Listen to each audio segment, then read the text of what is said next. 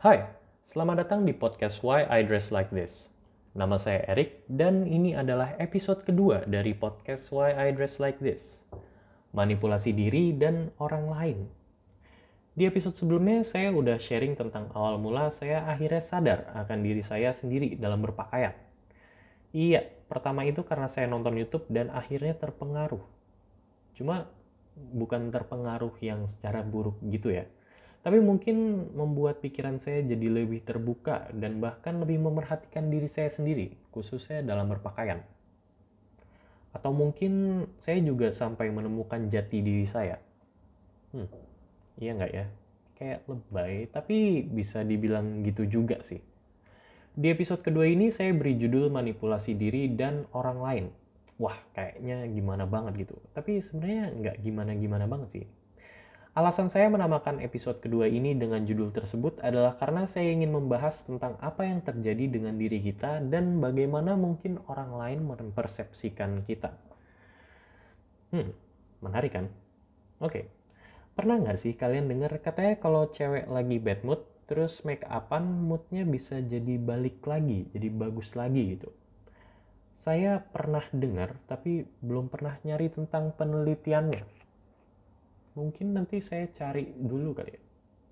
Saya juga pernah dengar ada yang ketika kita dress up atau berpenampilan sebaik mungkin, kita bisa merasa lebih percaya diri dan mood kita bisa semakin bagus atau lebih bagus. Hmm.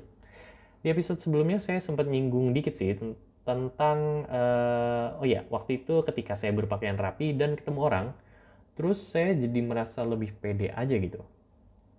Ya, ternyata ada juga beberapa penelitian yang menyatakan bahwa pakaian kita dapat memengaruhi mood atau perasaan kita dari berbagai aspek.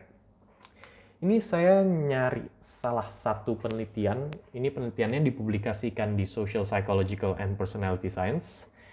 Ini karena saya juga kebetulan mahasiswa psikologi, jadi nyari sumbernya nggak jauh-jauh dari situ ya.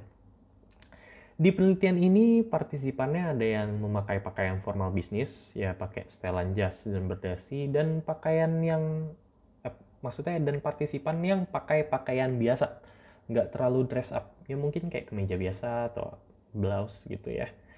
Mereka ditantang kemampuan proses kognitifnya.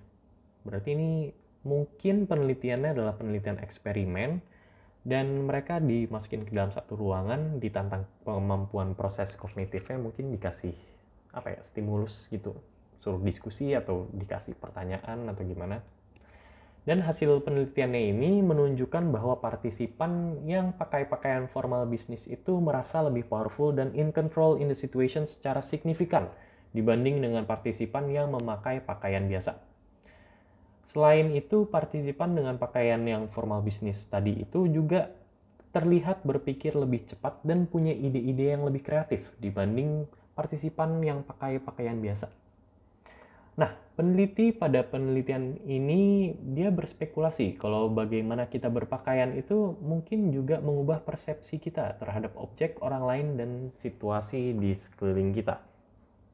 Jadi ya, dari penelitian ini yang saya mau tekankan tuh bukan partisipan yang memakai pakaian formal ya, tapi spekulasi peneliti ini yang bilang bahwa pakaian yang kita pakai mungkin akan mengubah persepsi kita terhadap sekeliling kita, sehingga perilaku kita bisa menyesuaikan dengan hmm, mood kita yang dipengaruhi dari pakaian yang kita pakai mungkin.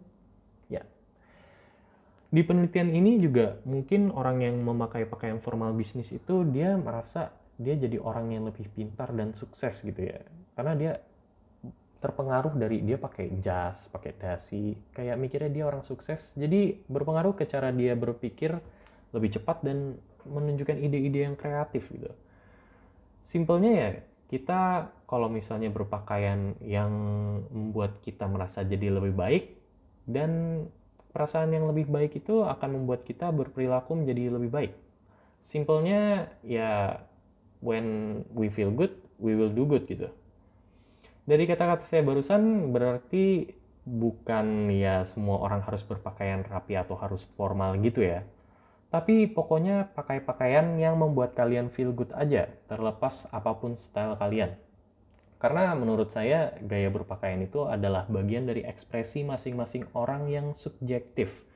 Jadi ya yang menurut saya bagus belum tentu menurut kalian bagus dan juga sebaliknya gitu. Dan tadi di awal saya juga sempat ngomong tentang jati diri. Ya ini sih, karena kita jadi bisa bebas ekspresiin uh, diri kita dari cara kita berpakaian dan menunjukkan diri kita yang sebenarnya. Itu, jadi kita bisa menemukan jati diri kita. Kalau misalnya kita pakai pakaian yang sesuatu yang membuat kita jadi lebih merasa lebih baik, ya mungkin itu sudah jadi menemukan jati diri kita. Ya kira-kira gitu sih. Kok saya jadi bingung ya? Tapi enggak. Ya semoga kalian ngerti ya maksudnya. Nah, ngomong-ngomong tentang subjektivitas, selanjutnya saya akan sedikit membahas uh, hal yang menurut saya cukup menarik. Meskipun subjektif tiap orang itu beda-beda ya, tapi ada sesuatu yang mungkin dinilai baik oleh semua, eh belum tentu semua. Mungkin bisa dibilang kebanyakan orang. Jadi ada sesuatu yang dinilai baik oleh kebanyakan orang. Saya mungkin akan mengaitkan sedikit ke psikologi sosial. Entah yang cocok sebenarnya apa, tapi saya pakai stereotip aja deh. Ini saya akan ambil definisi dari buku psikologi sosial yang dulu saya pakai waktu masih kuliah. Woi, Judulnya Social Psychology, jelas ya.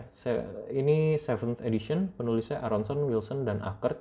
Oke, saya nggak penting nulisin detail. Kok nulis sih? Saya ngomong detail-detailnya, cuma ya supaya ada sumbernya aja gitu. Di sini definisi dari stereotype adalah a generalization about a group of people in which certain traits are assigned to virtually all members of the group, regardless of actual variation among the members. Artinya kurang lebih kita menggeneralisasikan sekelompok orang bahwa mereka memiliki sifat yang sama, terlepas melihat variasi dari tiap orang di kelompok tersebut. Jadi saya akan coba mengaitkan cara berpakaian dengan bagaimana orang melakukan stereotyping ya. Saya akan kasih contoh yang gampang dan sekalian sharing dari pengalaman saya sendiri. Saya pernah waktu itu habis gereja hari Minggu pakai jas, pakai dasi, celana bahan, dan sepatu formal. Ceritanya itu lagi di bioskop, saya lagi jalan, terus mau lihat jadwal tayang film gitu. Jadi saya berhenti dan ngeliat ke uh, jadwal tayang film itu kan.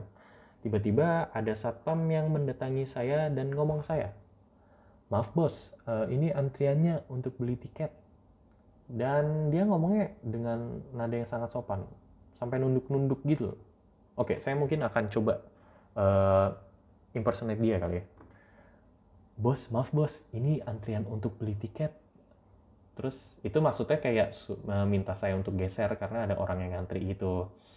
Ya. Nah, entah ini kalau ada orang lain yang bajunya biasa aja terus melakukan hal yang saya lakukan itu akan mendapatkan perilaku perilaku yang sama dari satpamnya atau enggak menarik juga nih kalau dijadiin eksperimen ya. Nah, tapi di sini yang mau saya highlight sebenarnya bukan uh, saya yang pakai baju terus di jadi eksperimen gitu. Enggak, enggak, enggak. Tapi yang mau saya highlight itu adalah kata bos yang dia pakai dan cara dia ngomong ke saya yang sopan banget. Dulu saya pernah ditegur satpam kayaknya nggak sesopan itu. Karena saya pakai baju biasa juga sih waktu itu. Ya, dikira bocah kali.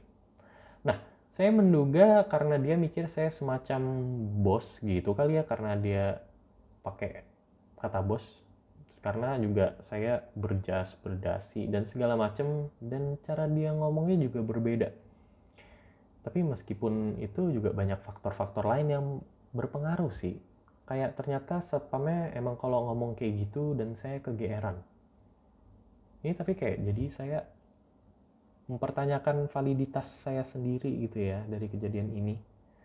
Ya, tapi ya tadi sih yang saya mau tekankan itu. Dan di situ di situasi lain juga saya sering dikira bapak-bapak. Kayak kalau misalnya mbak-mbak SPG gitu atau waiter, waiters ya waiters. Kayak saya dipanggil Pak. Terus mau bayar barang di kasir dibilangnya juga Pak. Padahal muka saya kayaknya nggak setua itu gitu kan bisa aja dipanggil mas atau kakak ya pokoknya gitu deh intinya saya mau sharing kalau mungkin orang-orang punya stereotip kali. Kalau misalnya orang yang pakai jas terus pakai dasi itu selalu adalah seorang seorang bos yang punya pangkat tinggi terhormat sukses gitu. Terus orang-orang tuh jadi harus kayak ngomongnya sopan karena ya mereka ngomong sama bukan sembarang orang gitu. Atau pasti orang yang pakai pakaian kayak gitu tuh pasti bapak-bapak. Nggak mungkin kakak-kakak atau mas-mas karena kayak mas-mas pakai jas kayak ya ya buktinya ada aja sih sebenarnya. Padahal meskipun mereka berpikir ya stereotipnya seperti itu saya waktu itu cuma anak kuliahan yang tengil aja gitu. Hari minggu jalan-jalan pakai jas dan dasi. Hmm. ya pokoknya kalian pasti sering denger sih tentang don't judge a book by its cover tapi sesungguhnya orang-orang tetap judge a cover by the book. Eh, kebalik. Maksudnya tetap judge a book by its cover. Itu masih jadi filter pertama kita dalam menilai orang atau melihat orang. Tuh. Kan kita pertama kali pasti secara nggak sadar menilai orang dari penampilan. Karena penampilan itu biasanya cerminan dari diri mereka. Woi, ya kan? Kayak nggak mungkin kalau misalnya ya Mungkin sih, karena biasanya kita kalau ngeliat orang tuh langsung mikir kira-kira dia adalah seorang apa, tanpa tanpa kita perlu nanya. Ya kalau nanya dulu sih ya, ya iya sih bisa tahu jadinya. Ya gitu. Contohnya juga kalau misalnya kita uh, melihat lawan jenis gitu, kan kita pasti lebih tertarik sama orang yang penampilannya menarik gitu, rapi atau ganteng, cantik, terurus. Nggak mungkin yang kayak berantakan, terus apa ya ya beda cerita ya kalau misalnya kalian lebih suka anak-anak indie yang atau seniman-seniman gitu. Tapi bukannya itu jelek ya nggak apa-apa kalau emang kalian seleranya kayak gitu karena ya balik lagi penampilan yang menarik itu ada subjektivitasnya masing-masing seperti yang sudah saya bilang tadi. Jadi di sini first impression tuh sebenarnya masih menjadi hal yang penting. Karena ya kita menilai orang dari pertama kita kali ketemu udah secara nggak sadar pasti udah menilai sih. Jadi nggak perlu bohong lagi deh. Dan tentang first impression di psikologi itu juga ada yang namanya halo effect jadi halo effect itu adalah fenomena di mana eh, ketika kita bertemu orang yang ya bisa dibilang first impression yang baik maka kita akan cenderung berpikir bahwa orang itu juga punya sifat-sifat baik lainnya gitu Nah, iya, itu halo efek. Pasti terbukti kalau misalnya kayak gitu kan kalian pernah ngalamin. Pasti juga kalian pernah ngalamin. Kalian baru ketemu orang, terus first impressionnya kurang baik. Maka kalian pasti mikirnya, ah ini orang nggak bener banget, males ah. Padahal itu baru pertama kali kalian ketemu. Dan first impressionnya ya kayak gitu. Jadi ya kalian udah mikir yang enggak-enggak juga gitu ke orangnya. Padahal belum sempat kenal lebih dalam. Karena ini juga ngomongin tentang pakaian, pasti kalian ada yang bertanya-tanya. Rick, gimana menurut lu tentang Mark Zuckerberg atau Steve Jobs yang pakai baju yang sama tiap hari? Kalau menurut saya itu kan mereka udah sukses dan siapa sih yang nggak kenal mereka? Eh, bukan kenal, tahu. Kalau kenal mah udah sampai tahu lebih jauh dan lebih dalam ya. Kalau udah kenalan juga. Harusnya kalau belum kenalan sih harusnya sekedar tahu gitu ya. Ya, jadi mereka kan udah sukses. Kayaknya buat mereka dan orang lain pakaian tuh udah nggak penting lagi. Orang-orang nggak perlu bikin impresi yang baik terhadap mereka gitu. Terus kalian bertanya-tanya lagi, tapi mereka sebelum sukses kan emang bajunya udah itu-itu aja. Iya, dari mereka belum terkenal aja bajunya itu-itu aja. Mungkin pada waktu itu orang-orang memiliki impresi yang biasa aja ke mereka, tapi mereka kerja keras dan akhirnya jadi sukses. Nah, di sini saya mau nekenin lagi kalau kita berpakaian untuk membuat diri kita merasa lebih baik atau paling enggak nyaman lah jadi diri kita sendiri. Atau bisa menjadi versi terbaik dari diri kita. Siapa tahu memang dulu Mark Zuckerberg dan Steve Jobs lebih nyaman dengan pakaian mereka yang gitu-gitu aja. Saya juga pernah baca kalau mereka sengaja pakai baju yang itu-itu aja atau yang sama setiap hari supaya menghemat waktu pas milih pakaian.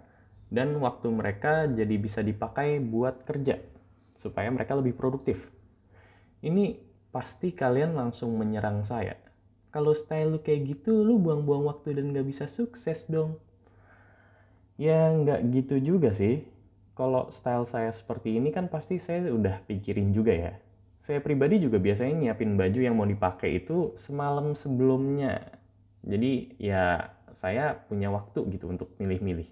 Jadi besokannya tuh udah siap dan tinggal pakai. Aneh juga ya, tapi itu fun fact dari saya saya jadi terpikir satu quotes yang pernah saya baca, yaitu You can have anything you want in life if you dress for it. Itu quotes dari Edith Head.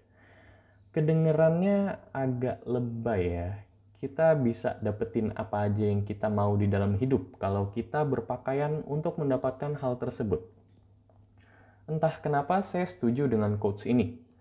Saya memanipulasi diri saya dengan membuat diri saya merasa lebih baik dan pede dan karena itu saya jadi bisa melakukan tugas-tugas saya dan menjalani hari-hari saya dengan mood yang bagus, sehingga jadi lebih produktif kali ya. Lalu memanipulasi orang lain itu ya membuat impresi saya dari orang lain jadi positif. Apalagi kalau mood saya yang bagus, jadi orang lain bisa merasakan positivitas dari diri saya gitu. Tapi jangan sampai kalian punya sikap yang semena-mena ya, mentang-mentang orang tuh udah menilai kalian bagus dari pakaian Selain itu juga kalau dari konteks bisnis atau profesional di mana kita ketemu klien dan klien kita melihat kita berpakaian dengan baik, pasti mereka akan menilai kita baik, bisa dipercaya, dan mungkin lebih tinggi kemungkinan bekerja samanya dengan kita. Dan bisnis kita bisa berjalan gitu. Kalau kitanya berpakaian kurang baik dan tidak menunjukkan image atau kesan yang profesional, mungkin klien kita juga jadi ogah kali untuk kerjasama dengan kita. Karena mikirnya kita yang enggak-enggak. Ini nyambung ke yang tadi sih ya, jadi first impression yang nggak bagus dan akhirnya mikirnya yang enggak-enggak semua gitu. Ya jadi gitu sih, salah satu, eh tapi apa dua ya hitungannya ya? Ya, itulah alasan saya memakai pakaian seperti ini, memanipulasi diri dan orang lain. Mungkin itu aja dari episode kali ini. Sampai jumpa di episode berikutnya.